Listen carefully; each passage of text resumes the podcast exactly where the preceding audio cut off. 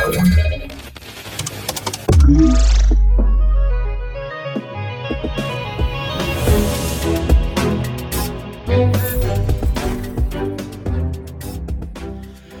halo, tu mówi Warszawa w podcaście Cyber Cyber Fundacji Bezpieczna Cyberprzestrzeń. Witamy Was bardzo serdecznie. Tym razem nasz podcast Cyber Cyber i to prawdziwy Cyber Cyber, a nie Cyber Cyber Raport, do którego Was przyzwyczailiśmy. Nasze założenie jest takie, że teraz będziemy nagrywać co piątek taką audycję, która będzie rozszerzała naszą wiedzę trochę bardziej o różnego rodzaju ciekawe rzeczy. No i tutaj pierwszą taką ciekawostką, pierwszą ciekawą rzeczą, którą bierzemy na tapet jest raport Orange, a w związku z tym naszymi gośćmi, a w zasadzie moimi, czyli Cypriana Gutkowskiego i Macieja Pyznara z Fundacji Bezpieczna Cyberprzestrzeń są goście z Orange i tutaj Piotr Kowalczyk i Robert Grabowski. Witam was panowie. Cześć. Witam. Słuchajcie, tak naprawdę mm, chcę porozmawiać właśnie o raporcie Orange, który wydaje się, zostaje wydany co roku. Tym razem jest to już ósmy raport Orange. I powiedzcie, czy wy wiecie, skąd wziął się pomysł na raport i tak naprawdę po co w ogóle on jest tworzony i w zasadzie kto jest jego odbiorcą, jaki jest target, dla kogo jest przeznaczony? E, jasne. E, raport, właściwie każda edycja raportu powstała e, zarówno przy udziale Piotrka, jak i moim. Przy pierwszej edycji raportu nie byłem jeszcze szefem CERT-u, był nim Krzysiu Białek i to za jego panowania wyszliśmy z pierwszą edycją raportu. Skąd pomysł? Myślę, że z jednej strony chcieliśmy pokazać, że robimy coś fajnego, ciekawego w security, a z drugiej strony rozszerzać też naszą taką awarenessową, uświadamiającą e, ścieżkę. No chcemy, chcemy jako CERT jakby budować tą świadomość polskiego internauty o tych zagrożeniach i, i jak się przed nimi chronić. No ja też myślę, że jakby to przeznaczenie i, i, i zakres, do którym tutaj chcielibyśmy się skierować, się zmieniał na przestrzeni lat. Bo tak jakbyście się wgłębili w te raporty wcześniejsze, to z początku wydawało się, że chcieliśmy dotrzeć do jak najszerszego grona osób i wiele też e, treści w tym raporcie zajmowały glosariusze, różnego typu słowniczki i, i w zasadzie staraliśmy się przekonać użytkowników, że to, o czym mówimy, nie jest takie straszne. Teraz już e, jakby nasze skupienie mm, idzie bardziej w kierunku e, tego, czym my się zajmujemy, przedstawienia tego w takim szerokim zakresie e, problemów, z którymi się mierzymy i, i, i, i zaprezentowania naszej działalności tak w skali roku w formie podsumowania. Wcześniej to było tak troszkę też no, pierwsze, pierwsze koty za płoty. Przez pierwsze kilka lat też chyba się tak przymierzaliśmy, testowaliśmy, w jakim kierunku powinniśmy pójść. Dlatego te raporty się zmieniały, zmieniały się strukturalnie na tym poziomie e, mocno na przestrzeni tych lat tak jak też zaobserwowałem. Tak, tegoroczny raport rzeczywiście wydaje się być bardziej jakby techniczny w rozumieniu takim, że opisuje, mm, zwłaszcza ciekawa jest część dotycząca artykułów waszych, waszych pracowników, tak, i was samych zresztą, tak, i, i ona jest bardziej techniczna, co, co jakby słusznie, to w takim układzie, kto przygotowuje ten raport, no przyznaliście się, że, że to jesteście wy we dwóch, tak, ale tam autorów jest więcej, jeśli chodzi przynajmniej o artykuły dotyczące dotyczące mm, waszej działalności i tego, co, czym, co robicie. No i jest też spora lista jakby przyjaciół, o tak, tak to jest nazwane w raporcie e, CERT Orange. Jeśli rzeczywiście można powiedzieć na ten temat coś. Jasne. E, zgadza się. No my z tym raportem jesteśmy, że tak powiem, od początku. Autorzy się też na przestrzeni lat zmieniają. No, Większość tego treści przygotowują e, eksperci z zespołu certowego, e, ale również e, właśnie druga linia, którą tutaj Piotr zresztą reprezentuje. I również szeroko pojęte cyberbezpieczeństwo, czyli cały, cały nasz zespół bezpieczeństwa w który no, liczy nieco więcej osób niż 15-osobowy zespół CERT. Mm, również w tym roku e, mamy troszeczkę więcej dodatkowych treści z zespołu ochrony przychodów i nadużyć. I tak jak wspomniałeś, bo generalnie w każdym roku troszeczkę gdzieś staramy się jakąś przyjąć, mam nadzieję, że ciekawą formułę, opierać jakby tą, tą trochę opowieść na, e, na jakimś wydarzeniu. W tym roku jest to 25-lecie CERT-u, stąd też zaproszenie takich gości do tego raportu, a nie innych, bo oni też, te, też na przestrzeni lat się zmieniali. Okej, okay, fajnie. E, zasadniczo e, bardzo ciekawy jest ten, e, ten raport i w związku z tym chciałbym zapytać o to, z jakie główne źródła są, bo jest tam mnóstwo informacji jakby i statystycznych i, i takich obserwacji zespołu CERT, no i chciałbym zapytać, czy, czy źródłem są jakby tylko wasze obserwacje, czy również korzystacie z jakichś innych źródeł i przede wszystkim dotyczących tych danych statystycznych, które, które są tutaj w, w raporcie? Przeważająca, przeważająca większość to są nasze dane. Tu nie, nie, właściwie nie posiłkujemy się jakimiś zewnętrznymi opracowaniami, bo jakby też takim clue tego raportu jest no, budowanie tego krajobrazu tej, tej polskiej, no i w szczególności e, no, tej rzeczywistości, którą my sami obserwujemy. I jakby też dzięki temu jest to unikalne, no i jak najbardziej prawdziwe i e, jakby zbliżone, zbliżone, no jakby w 100% oddaje to, co dzieje się w Polsce i to, co my sami obserwujemy. Oczywiście e, no, gdzieś e, korzystamy z jakichś źródeł w procesie zbierania tych informacji i, i te źródła są różne. Mm, natomiast te statystyki, obserwacje pochodzą stricte, stricte z Orange. No to skoro już mówiliście o tym i powiedzieliście, że właśnie pochodzą też z waszych obserwacji, z tego obserwacji, co dzieje się w Polsce, no to powiedzcie tak naprawdę, co w tej pandemii w zasadzie, no bo to był ten ostatni okres, to faktycznie okres pandemiczny, co zaobserwowaliście, e, co takiego w Polsce się wśród działań takich rzeczywiście mm, niechcianych, przestępczych, co, co, jest, co jest takim topem? Poczekaj, Cyprian, to ja bym jeszcze zapytał o to źródła może, co? Bo, bo tak dość enigmatycznie, a ja bardziej myślałem o, o o tym, skąd konkretnie pochodzą, nie wiem, głównie jest to cybertarcza i, i, to, co tam obserwujecie, czy ja będę jeszcze chciał zapytać o, o te sądy, które gdzieś tam się pojawiają, ale yy, czy to tego rodzaju źródła są? Tak, no cybertarcza oczywiście stanowi yy, lwią część, można powiedzieć, yy, tych y, no jest, jest źródłem i bazą do, do szeregu statystyk, które są w raporcie. Natomiast z kolei sama cybertarcza też musi być zasilona z zewnątrz i tutaj pojawiają się no ten research, który prowadzimy, oparty jest zarówno o zdarzenia, jakie widzimy u nas w sieci bezpośrednio, czyli no skąd są takie źródła? No oczywiście zgłoszenia naszych użytkowników, oczywiście analiza incydentów, mamy trochę honeypotów tu i tam e, różnych, mamy sądy w sieci, y, zarówno powiedzmy gdzieś w jakichś y, zewnętrznych, zewnętrznych fragmentach sieci, gdzieś, gdzieś się przyglądamy, mm, co, co, co tam się dzieje. No i również zasilamy się z zewnątrz od no chociażby patrzymy na przykład na dane z NASK-u, E, czy, czy filtrujemy takie rzeczy jak, jak CertStream. E, tych źródeł jest sporo. Okej, okay, Cyprian, no to proszę.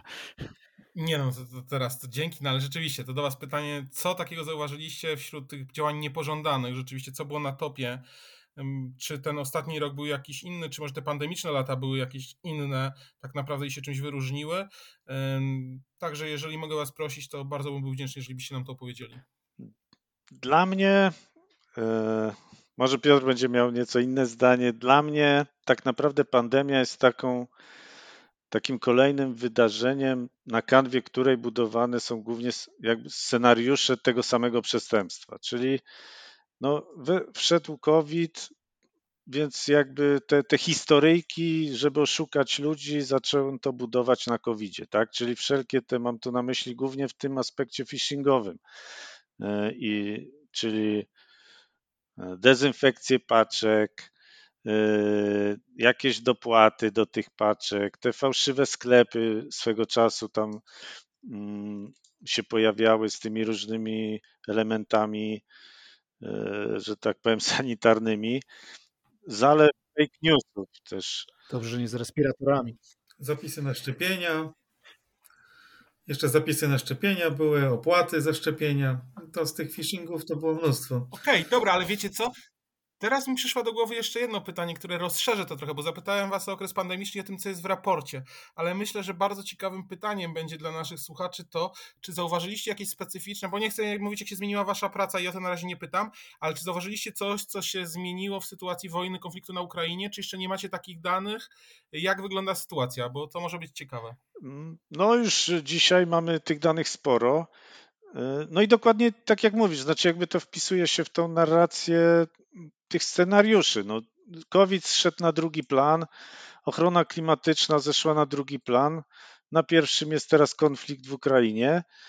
I, i oczywiście zaczą, zaczął się wysyp y, fake newsów, dezinformacji e, i budowania tych scenariuszy phishingowych właśnie na tym punkcie. Już wchodziły do nas rosyjskie wojska, przełamywano granice, widziano rosyjskie czołgi y, i tak dalej, i tak dalej. Tego, no to jest w tej chwili bezapelacyjny lider y, wciągania ludzi na przykład do, do oddawania swoich y, poświadczeń do Facebooka y, poprzez te sensacyjne informacje z, z granic. Wcześniej jeszcze była granica, prawda, te zamieszki takie na polsko-białoruskiej granicy i to mm, też to był moment, w którym mm, no, bardzo był aktywny ten temat. Przyznam się szczerze, że ja phishingu na wyjeżdżące rosyjskie czołgi po Polsce nie widziałem, ale zakładam, że rzeczywiście taki, taki był wymyślił pewnie. Natomiast to, to jestem zdziwiony, bo te wszystkie covidowe widziałem, to nawet do mnie dotarły, no nie kliknąłem, ale tutaj rzeczywiście rosyjskiego jeszcze nie widziałem, ale to jest ciekawa, ciekawa informacja, także myślę, że ci, którzy nas słuchają, no to wiedzą, żeby w to nie klikać, ale dla czystości jeszcze powiem, no ale proszę, oddaję głos, także tutaj Piotr, proszę. Warto, warto jeszcze wspomnieć, e, jeśli chodzi o sytuację e, wojny w Ukrainie, to mamy, mamy do czynienia również z phishingami, już takimi oszustwami pod kątem fałszywej pomocy, tak? Czy to dla uchodźców, zbieranie właśnie środków i no, można powiedzieć najgorszy rodzaj oszustwa, bo naciągający ludzką życzliwość, wykorzystujący e, ludzką chęć pomocy do tego, żeby właśnie te środki zdefraudować. E, no, więc to jest też jeden z takich dużych, e, dużych problemów z tymi kampaniami, które w tym momencie gdzieś tam identyfikujemy. E, a niestety też wiele z tych rzeczy wynika z tego, że strony i infrastruktura, która została przygotowywana również poprzez różnego typu urzędy, no została przygotowywana najczęściej w pośpiechu, w ciągu kilku godzin i zwykle nie bez dbałości jakiejkolwiek o zabezpieczenia, więc e, zdarza się, zdarzało się już i tak, że, że, że zdążyli odpowiedni hakerzy przechwycić taką infrastrukturę i wykorzystywać ją do, do troszkę innych celów niż do jakich została powołana. Tak, nie, oczywiście nie, nie, nie posądzajmy przestępców o to, żeby byli moralni jakoś, e, więc to... No, zdarzyły się też takie sytuacje w tych grupach przestępczych na początku konfliktu. Tak, na początku hmm. konfliktu na przykład zniknął prawie proceder oszukiwania na OLX, czyli tam te, te oszustwa nakupującego. Przez... No bo były hostowane pewnie przez ukraińską stronę albo przez ukraińskich przestępców, tak? Więc... E, nie było Starlinka jeszcze. Nie, no, nie było, tak, zgadza się. Chociaż to, to no, z tym miejscem jakby operacji to też u nich bywa różnie. Natomiast rzeczywiście kilka tygodni było spokojnych.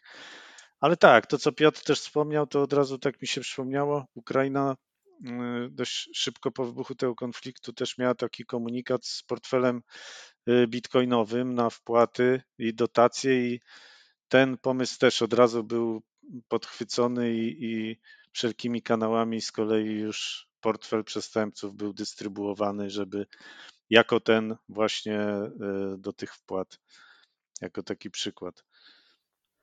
Dobrze, phishing sam sobie jest bardzo interesujący i będą też o o nim pytania, ale e, może w ogóle powiedzmy o tym, jak wygląda wasz raport, tak? bo nie wszyscy zapewne go, go czytali albo go nawet widzieli, więc e, Zasadniczo raport y, jest dość obszerny i podzielony jest na, na kilka części.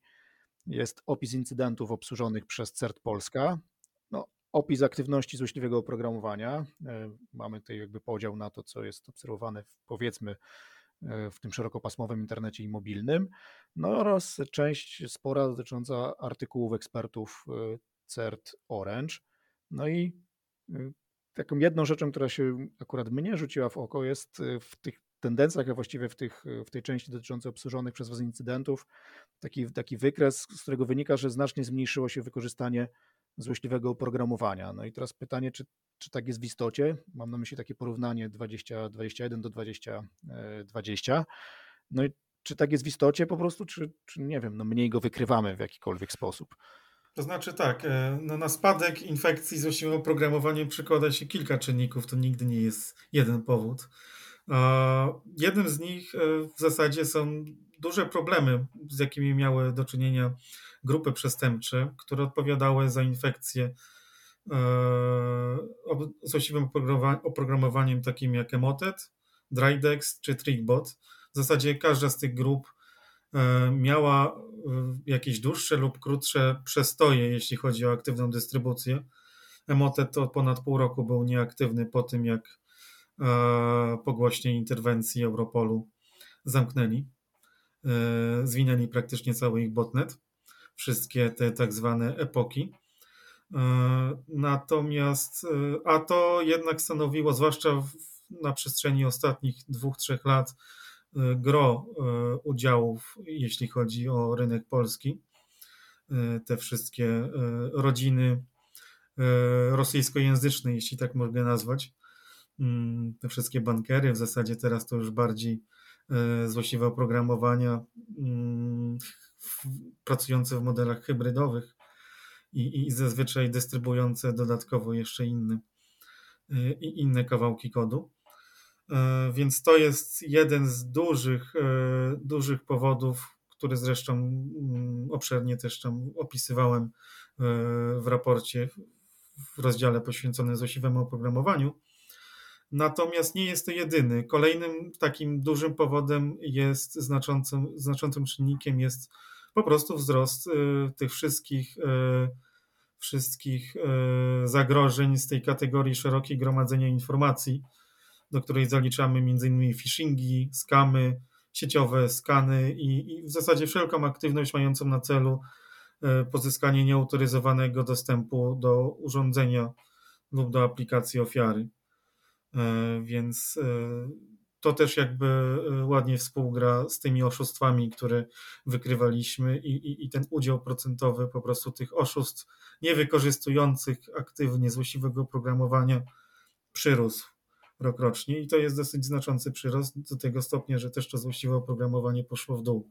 Ale żeby też do, dołożyć łyżkę dziegciu, no to faktycznie mm, o tym też wspominaliśmy w raporcie, odnotowaliśmy znaczący wzrost e, połączeń szyfrowanych, e, wykorzystywanych zarówno poprzez połączenia do command kontroli, czyli już na etapie e, ostatnim, gdzie użytkownik jest już zainfekowany i urządzenie próbuje się skomunikować z botnetem w celu przesłania już jakichś wykradzionych danych czy, czy pobrania sobie dodatkowego kodu. E, ale też na etapie tym właśnie inicjalnym, pierwszym, czyli w momencie, kiedy ta infekcja dopiero ma się na, na stacji rozprzestrzenić, zwykle należałoby mm, do tego celu pobrać jakiś, jakiś kawałek payloadu, kodu. E, I już ten etap jest najczęściej, e, najczęściej szyfrowany, czyli taka komunikacja nie jest widoczna dla takich klasycznych E, czy, czy różnych innych inspektorów sieciowych, które, które bez deszyfrowania po prostu widzą te połączenia jako, jako zwykły konekt i, i, i nie zaglądają do środka.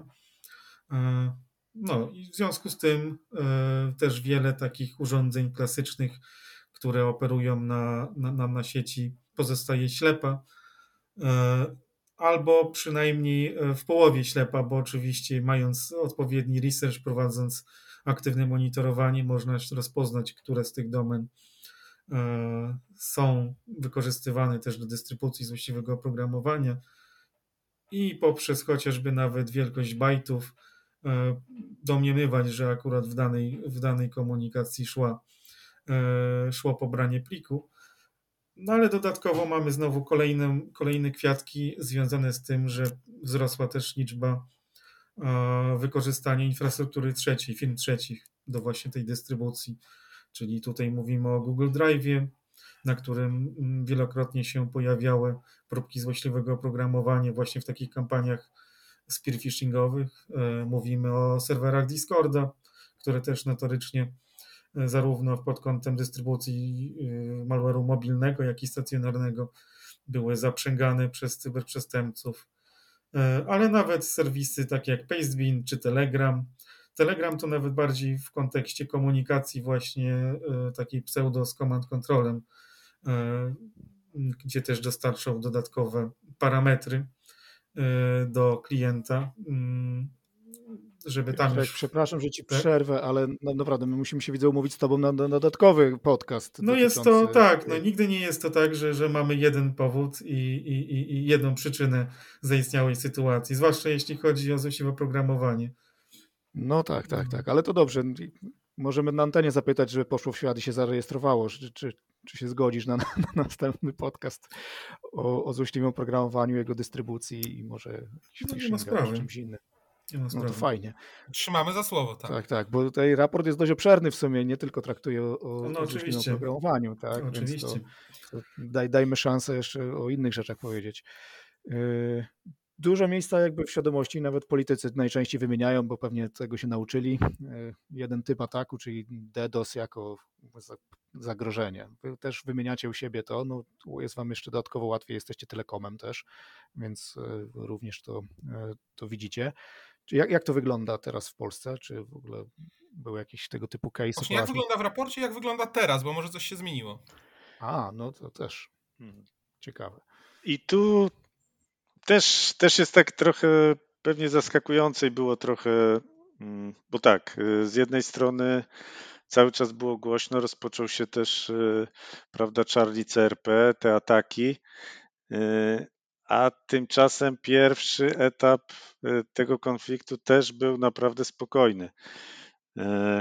Ale jeszcze może chwileczkę o zeszłym roku.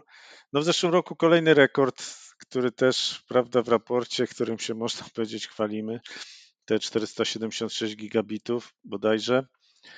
E, także natomiast tak ogromne ataki to nie jest codzienność. To ten, ten, ten rekord rzeczywiście padł, natomiast tak, tak potężnych ataków dużo nie ma.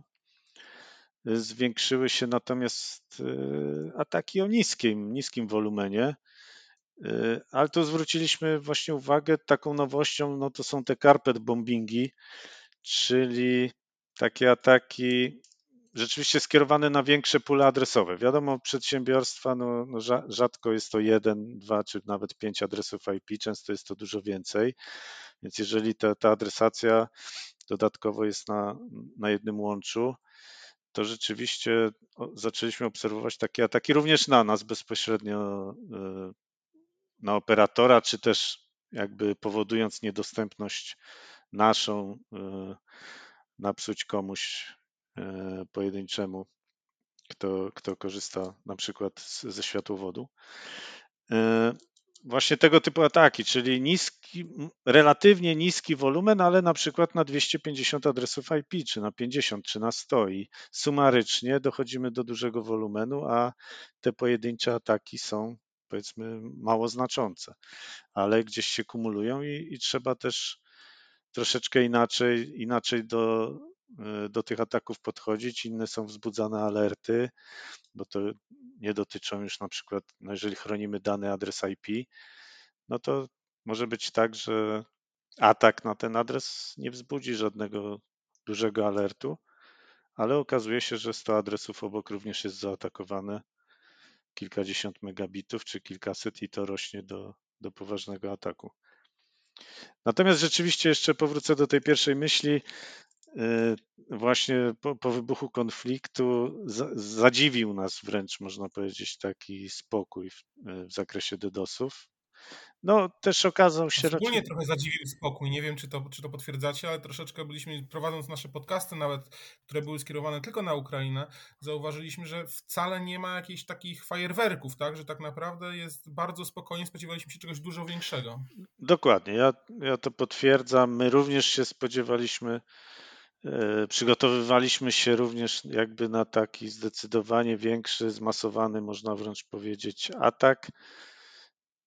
No tymczasem, tymczasem było dość spokojnie. W ostatnim czasie tych ataków jest więcej. E, też tam aktywna grupa często chwali się też tutaj niedostępnością, co po niektórych serwisów w Polsce.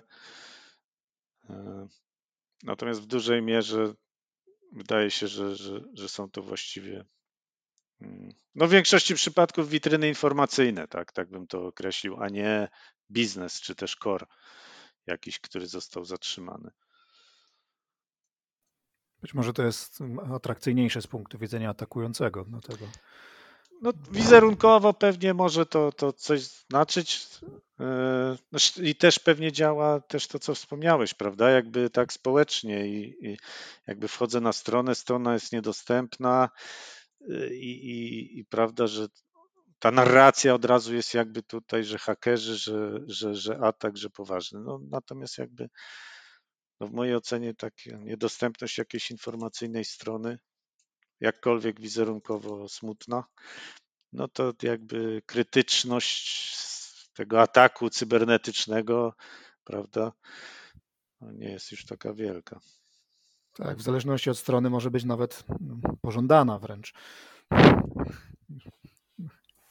No ale to, to pro, propaganda to szła akurat w dwie strony, jeżeli tak obserwujecie też e, to, co się działo generalnie rzecz biorąc w trakcie tego konfliktu i, i cały czas się dzieje e, na Ukrainie, no to tutaj mm, w zasadzie pierwszy raz chyba widziałem taką zmasowaną, zmasowane ataki na infrastrukturę rosyjską do tej pory się wydawało, że Rosjanie no raczej byli nietykalni praktycznie rzecz biorąc. Rzadko się słyszało o jakichś poważniejszych niedostępnościach usług, usług, wyciekach, atakach, a teraz to się posypało lawinowo. I na razie wielkiego faktycznie odwetu z tej strony odgrażających się grup przestępczych, które niby są pozarządowe, a jednak popierają popierają działalność Rosjan, no to nie ma takiego znaczącego, tak, który mógłby być czymś innym niż business as usual, tak. No to bardzo ciekawe, ale rzeczywiście, rzeczywiście coś z tym jest. Ani w cyberprzestrzeni, ani konwencjonalnie jakoś to wszystko najlepiej nie wygląda. Mm, nie wiem, Maczku, kolejne twoje pytanie, bo o sądy chciałeś zapytać, a te sądy to ciekawy temat. Tak, chciałem, no trochę już e, jakby Robert odpowiedział, ale chciałem zapytać, no, no, właściwie co to są za urządzenia? Wspomniałeś, że to są honeypoty, tak? E, czy co, coś jeszcze? No, znaczy, wchodzi w grę? Jeśli ja mam dodać od siebie trzy grosze, bo mm, jednym z takich kluczowych, zwłaszcza na, na etapie pierwszych edycji raportu źródeł, była e, sonda w sieci Orange, e, za której właśnie wdrożeniu odpowiadałem i od której w zasadzie moja kariera, e, jeśli chodzi o researchera mm, złośliwego oprogramowania się zaczęła, mm, no to właśnie była ta sonda w sieci szerokopasmowej, e, która odpowiedzialna była i jest za monitorowanie kawałku ruchu, mm, a raczej kopii kawałku ruchu e, w sieci, w sieci Neostrady, w sieci DSL-owej, no w celu identyfikacji komunikacji zwrotnej, e, różnego typu web injectów, które były wysyłane do przeglądarki.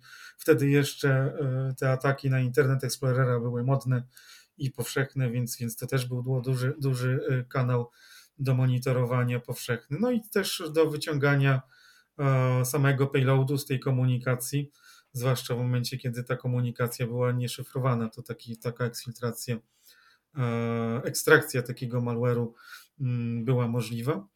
Mm, no i taka sonda najpierw monitorowała tylko tą sieć szerokopasmową, później dołożyliśmy drugą do sieci mobilnej.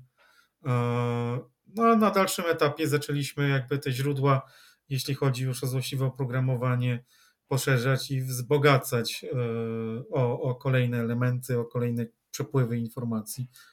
Mm, no i tak w zasadzie dzieje się Tak, ładnie klamrą tutaj wróciliśmy do, do, e, do malware'u, tak? Chciałem przy okazji zapytać właśnie, że jednym z e, jakby z takich wykresów jest pokazanie e, występowania tego malware'u ze względu na, na system operacyjny. Aż 44% tutaj mamy dla platform no, androidowych, tak? I czy taka sytuacja to, to już jest jakby stała, czy to jest jakiś skokowo trend? No, ja podejrzewam oczywiście, że coraz więcej korzystamy ze smartfonów i to po prostu się nie zmieni już, prawdopodobnie nawet pójdzie pewnie dalej, ale jak to z waszej strony wygląda? E, to może ja za, za, zajmę pierwszy głos, to będziecie mnie najwyżej zatrzymywać. E, moim zdaniem, e, wiesz co, nie ma tutaj większych szans, żeby ten trend się zastopował, odwrócił. No, wynika to znowu z kilku, z kilku statystyk i, i, i, i w zasadzie z kilku czynników, które mają największy wpływ. No i takim podstawowym jest opłacalność.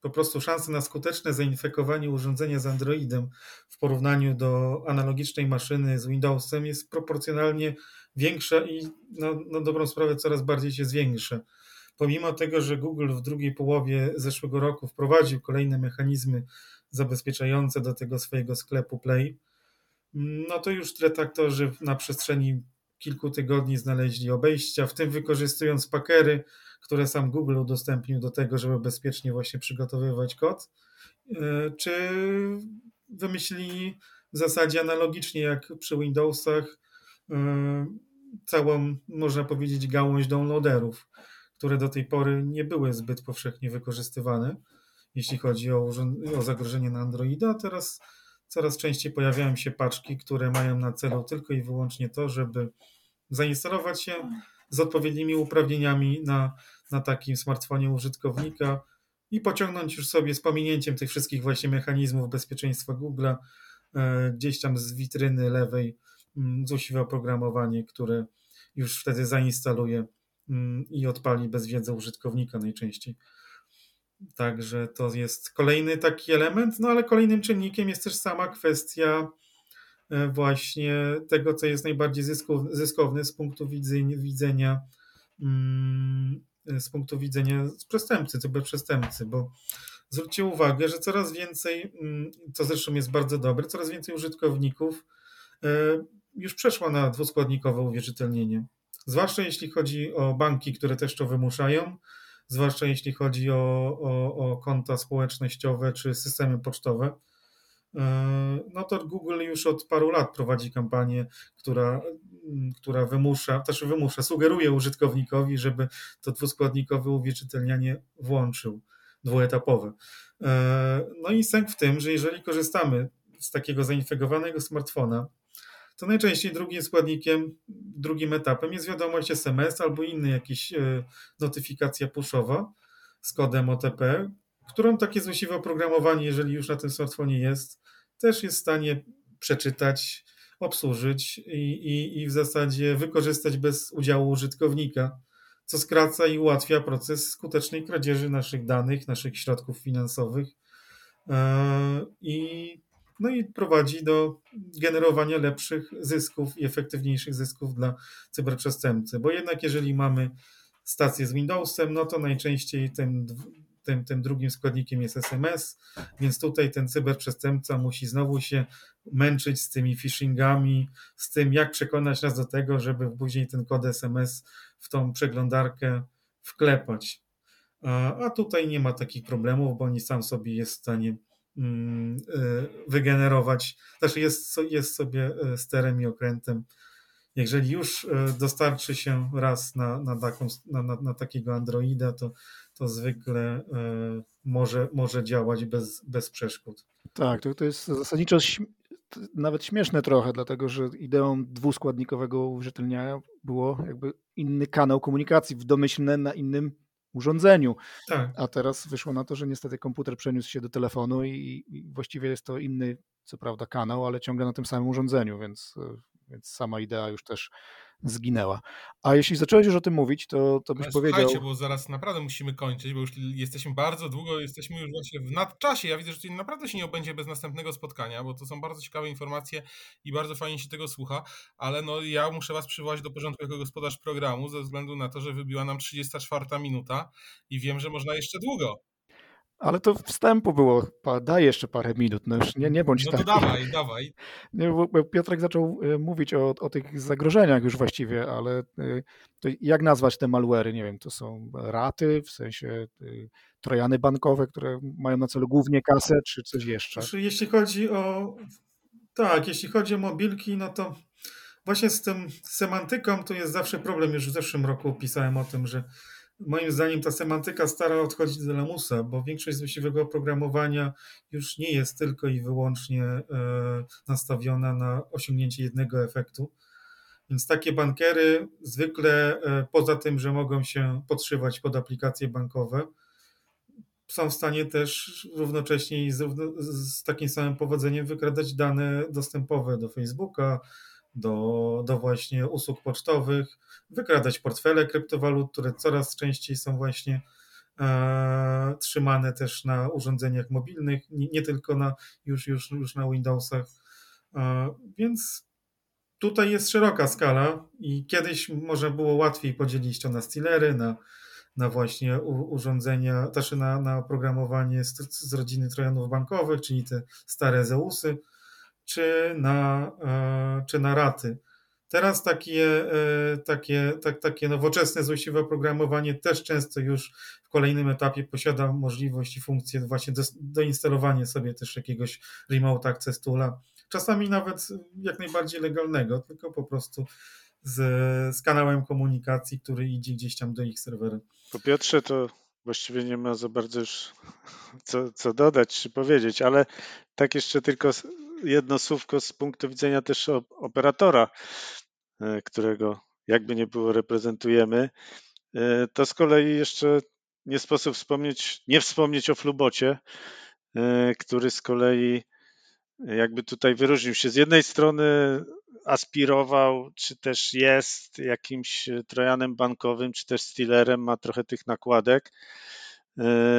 Natomiast no ja tutaj nie dysponuje jakimiś dobrymi statystykami co do sukcesów w tej dziedzinie. Natomiast ruch SMS-owy, jaki wygenerował, był naprawdę znaczący i jednocześnie stworzyło to wiele problemów też operatorom w ogóle w Europie Zachodniej. No, ale również ta skala u nas też, też była duża. No. Chociaż dużą, dużą część tego, e, tego niepożądanego ruchu, znaczy udawało się, się w naszej sieci gdzieś zatrzymywać. Tak, no Flubot to tak tylko uzupełnię w sumie, bo to jest jedna z takich ciekawostek, że w porównaniu do większości tego złośliwego oprogramowania mobilnego nie był dystrybuowany w takim kanale e, Malware as a Service, czyli innymi słowy nie był licencjonowany, nie był sprzedawany jako licencja i, i jego popularność nie wzięła się z tego, że po prostu wielu różnych pomniejszych operatorów sobie wykupiło licencję na użycie kodu i później dystrybuowało to we własnym zakresie, tylko właśnie e, Flubot wygląda przynajmniej na to, że jest rzeczywiście mm, w rękach konkretnej grupy przestępczej i, i, i nie jest jakby udostępniany na, na, na, na wolnym rynku jako narzędzie, a, a, a ta kampa te kampanie, które są jakby generowane, można zakładać, że, że mają gdzieś tam jakiś